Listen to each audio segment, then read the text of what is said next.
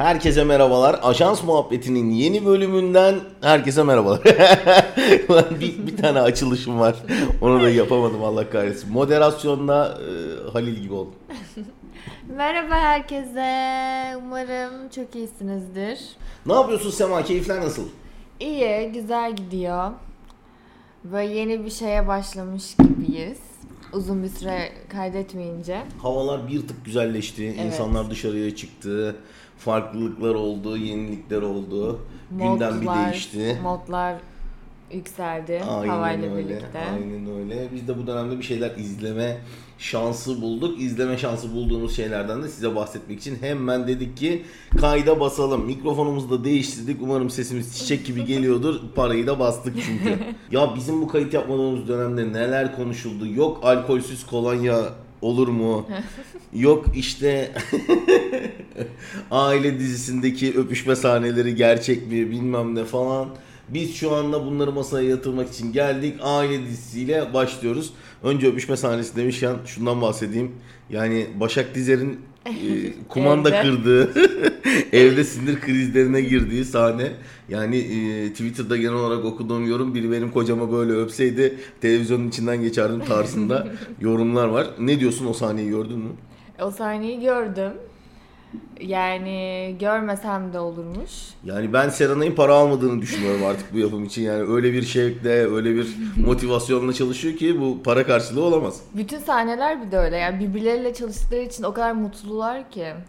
Bunlar diziye de yansımış. Tabii o kadar çok gülüyorlar ki güldüklerinden diyaloglar anlaşılmıyor. Yani hatta dizinin bu arada ciddi yorumlarından bir tanesi ağzı sürekli açık gülerek konuştukları için diyaloglar biraz araya kaynıyor. Ha.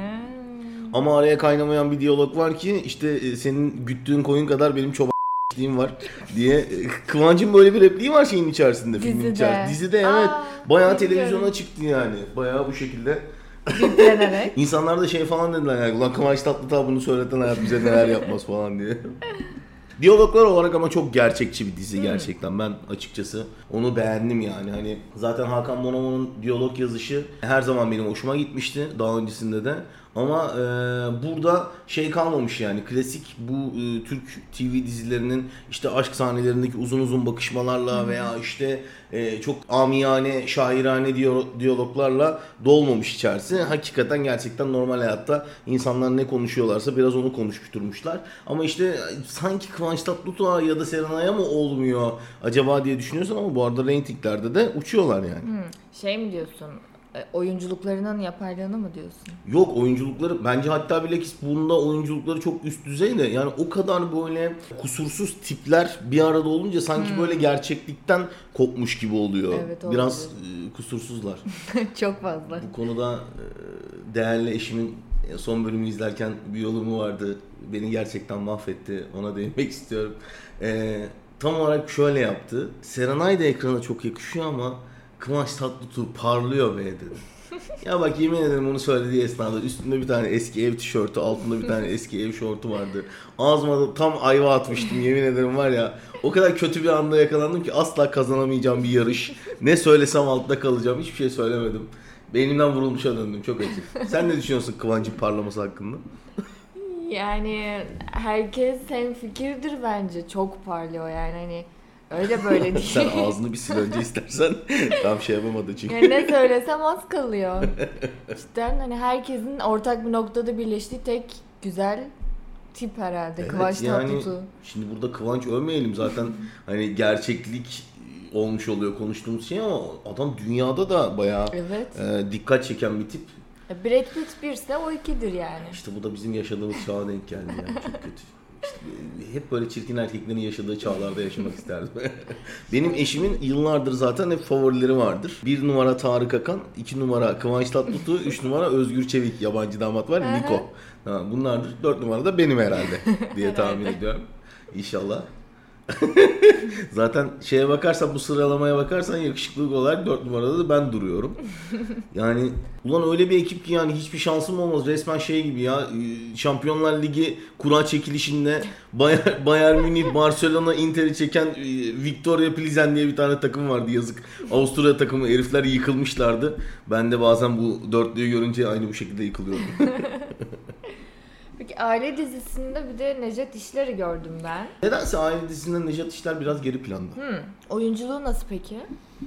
Yani o eski Necdet İşler'in ve çok övüldüğü zamanlarki gibi mi? Yoksa düşmüş mü? Yani ben açıkçası Nejat İşler oyunculuğu da şöyle diye aile dizisinden bahseden kimseyi görmedim. Ee, biraz zaten annesiyle problemleri olan bir karakteri canlandırıyor burada.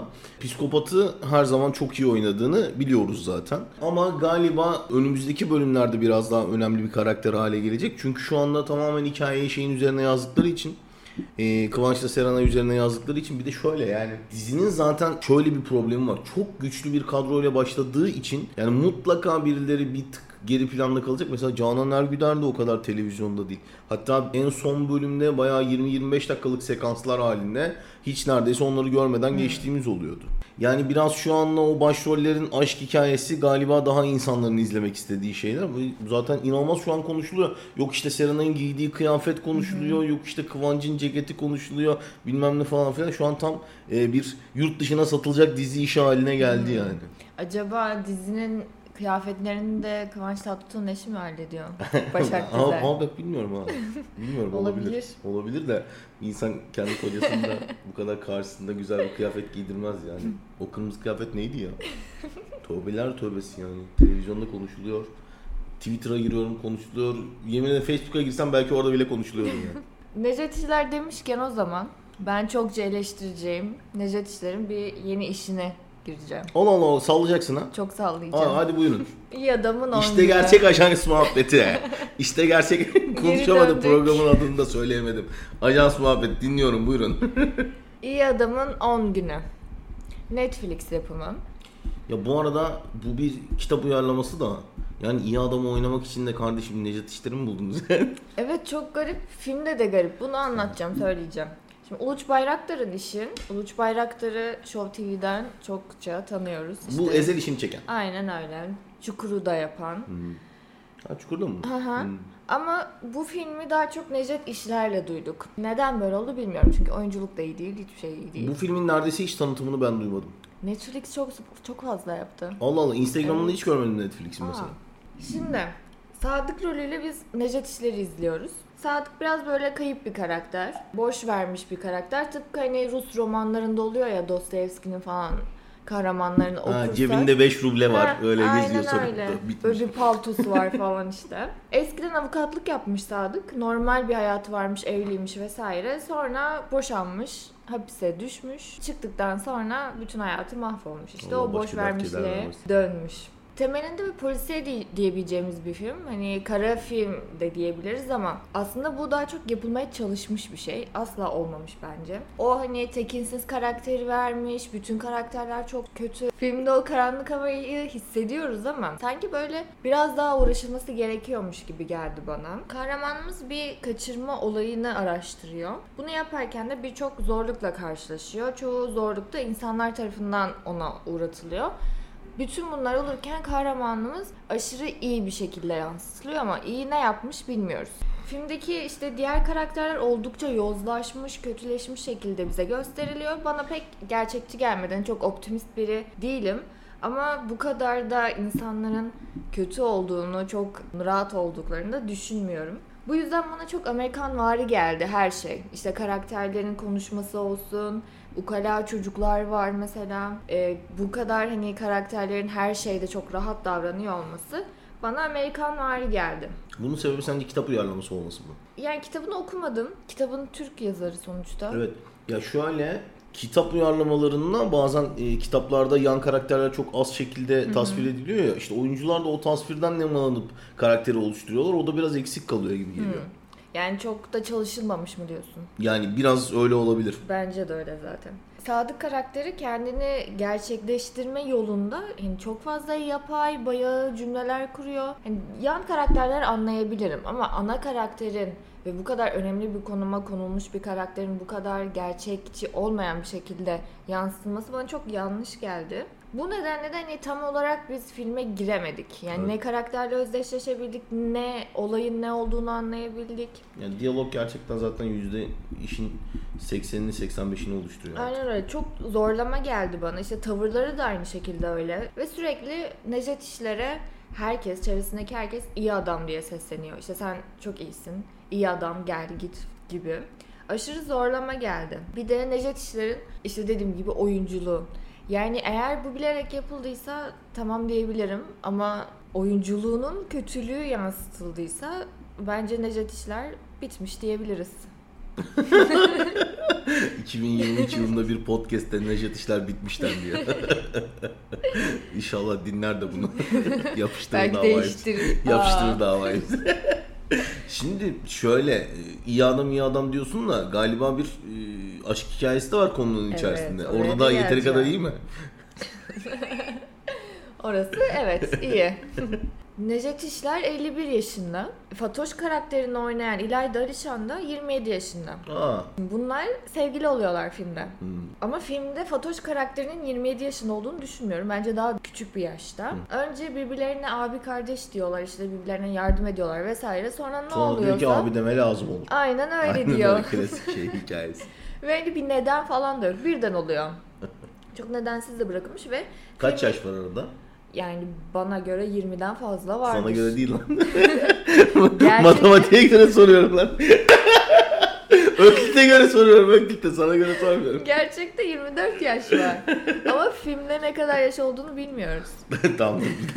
Peki o zaman bütün dedikodu programlarında sorulan o soruyu ben sana He. sorayım. İlişkilerde yaş farkı sence kaç olmalı? Erkek mi büyük olmalı, kadın mı büyük olmalı? Şimdi bir genelleme yaparsak eğer bence erkek büyük olmalı. Yani 2-3 yaş idealdir ama işte çok özelleştirilebilecek bir şey bu. Yani mesela erkekler hani olgunlaşmıyor diyorlar bana göre de öyle. Onun için erkekler biraz büyük olmalı yani. Ben seni burada yemlemiştim. Sen şunu söyleyecektin. Öncelikle ilişkiler bir erkekle bir kadın arasında olmak zorunda Aa. mı? İkincisi aşkın yaşı, cinsiyeti, ırkı, türü, türevi yoktur. Doğru. Buna da biz karar veremeyiz. Bunu da biz konuşamayız. Her yaş her şeye aşık olabilir. Her Ama- şeye her yaş yaş. her şeye aşık olabilir. o kadar yapamıyorum ki bunu. Asla feminist değilsin. ama, Asla benim düşüncelerim ama başta ne dedim genelleme yaparsak Ha, dedim. ne oldu? ne oldu? Devran döndü. Yıllardır Bana beni ageizm yemledin. Yıllardır beni seksizm yemledin. Bak şimdi sıra sana geldi. Formumu kaybetmişim ben. Aynen öyle. Algılayamadım. Hemen oradan. Aa bir gol ayağına göre atmıştım tam halbuki oradan bir çakabilirdi. Filmde en çok konuşmak istediğim şey şu ki yani hani böyle bir şey hiç görmedim daha önce herhangi bir Türk yapımında. Albino ikizler koymuşlar ama sanki gördüğümde ben dedim ki vampir filmi izliyorum galiba. Makyaj mı gerçek mi? Makyaj. var? Hmm. Sarıya uzun saçları var sarı. Ama hani beyaz değil asla. Ya, çiğ duruyor. Makyaj yapmışlar yüzleri bembeyaz. Yani hani bildiğin vampir filmine koy asla sırıtmaz. Ne Keşke vampir filmi çek, çekseymişiz.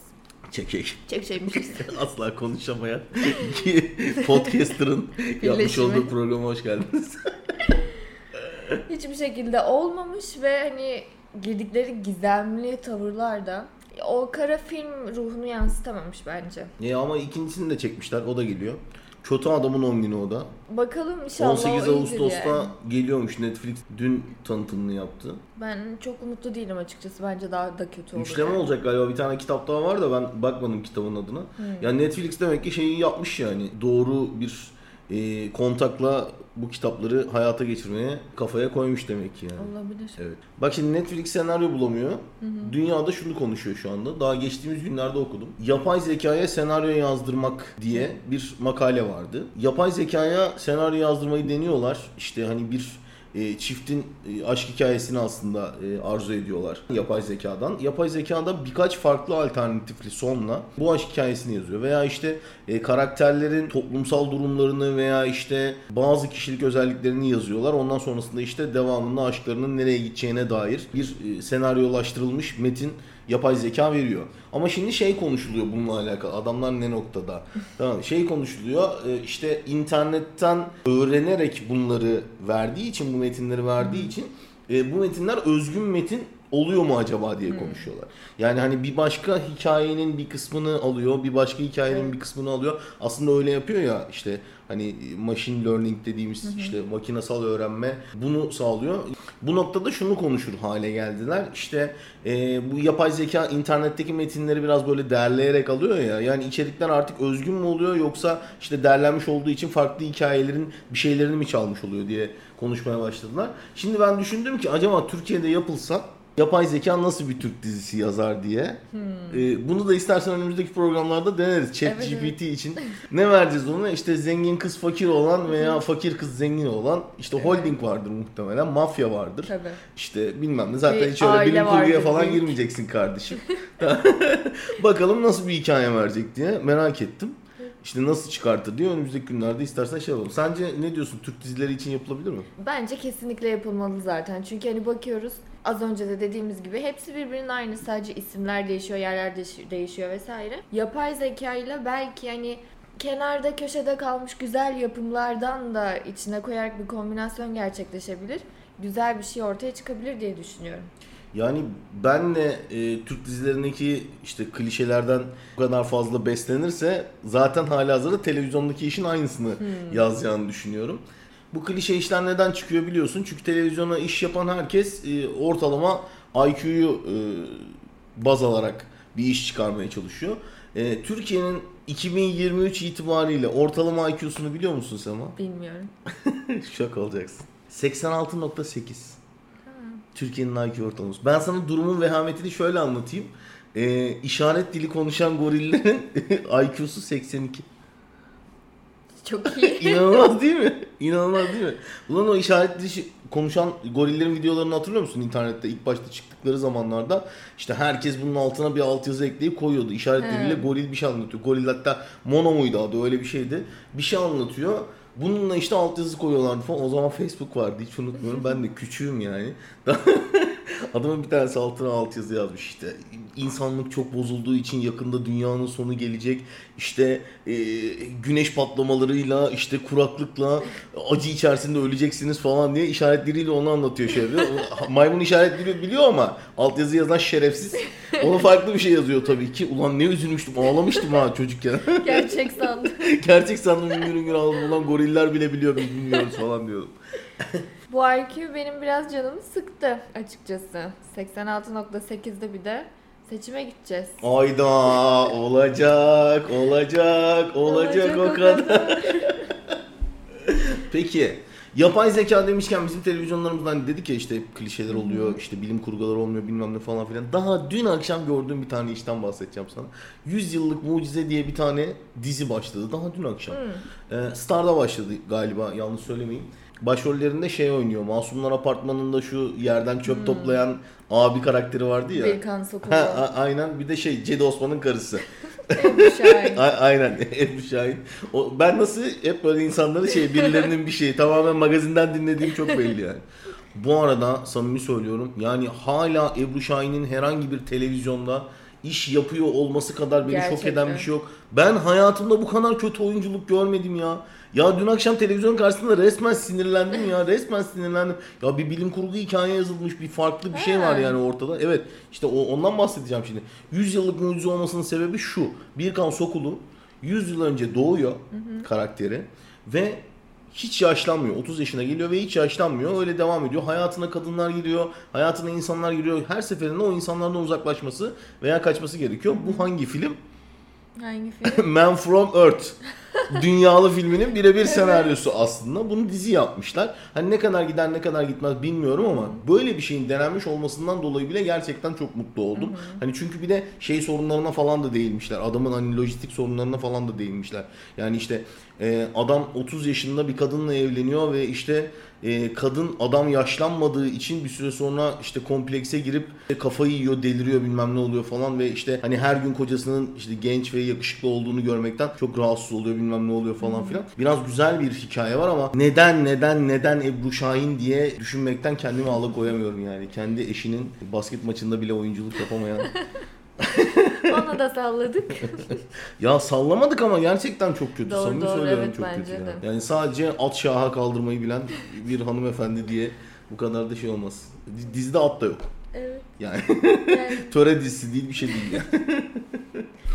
Bence kendi seçimi yani ne o atmat o şekilde devam etmeliydi diye düşünüyorum oyunculuğu açısından. Bence de kesinlikle devam etmeliydi ama işte gene denemişler bakalım Star TV'de. Ya herhalde bu oyuncuların reytingleri var diye veya işte magazinde konuşuluyor diye falan tercih Kesinlikle. ediyorlar ama insanın da tansiyonunu düşürmüyor değil. Peki söylemek istediğim bir şey var mı? Ee, bizi Ya boş ver artık da, takip ben vallahi bundan sonra takip edin falan demeyeceğim yeter ya. Her bölümde şey istiyormuşuz gibi abone olun, like atın bilmem ne yapın, çana basın zaten takip etmek isteyen eder ya.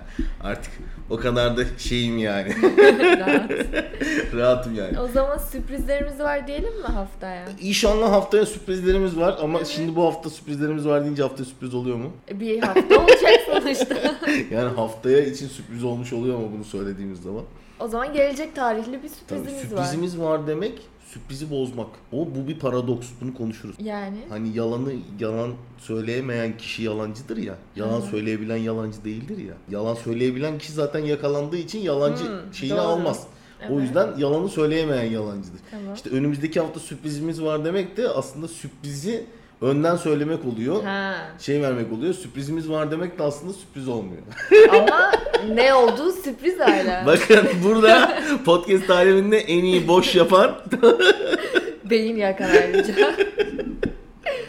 Peki görüşmek üzere o zaman. Kendinize çok iyi bakın. Ajans muhabbetinin bölümleri devam edecek. Keşke çakmasaydık yayında. Sesi de geldi. Kendinize çok iyi bakın. Bay bay. Hoşçakalın.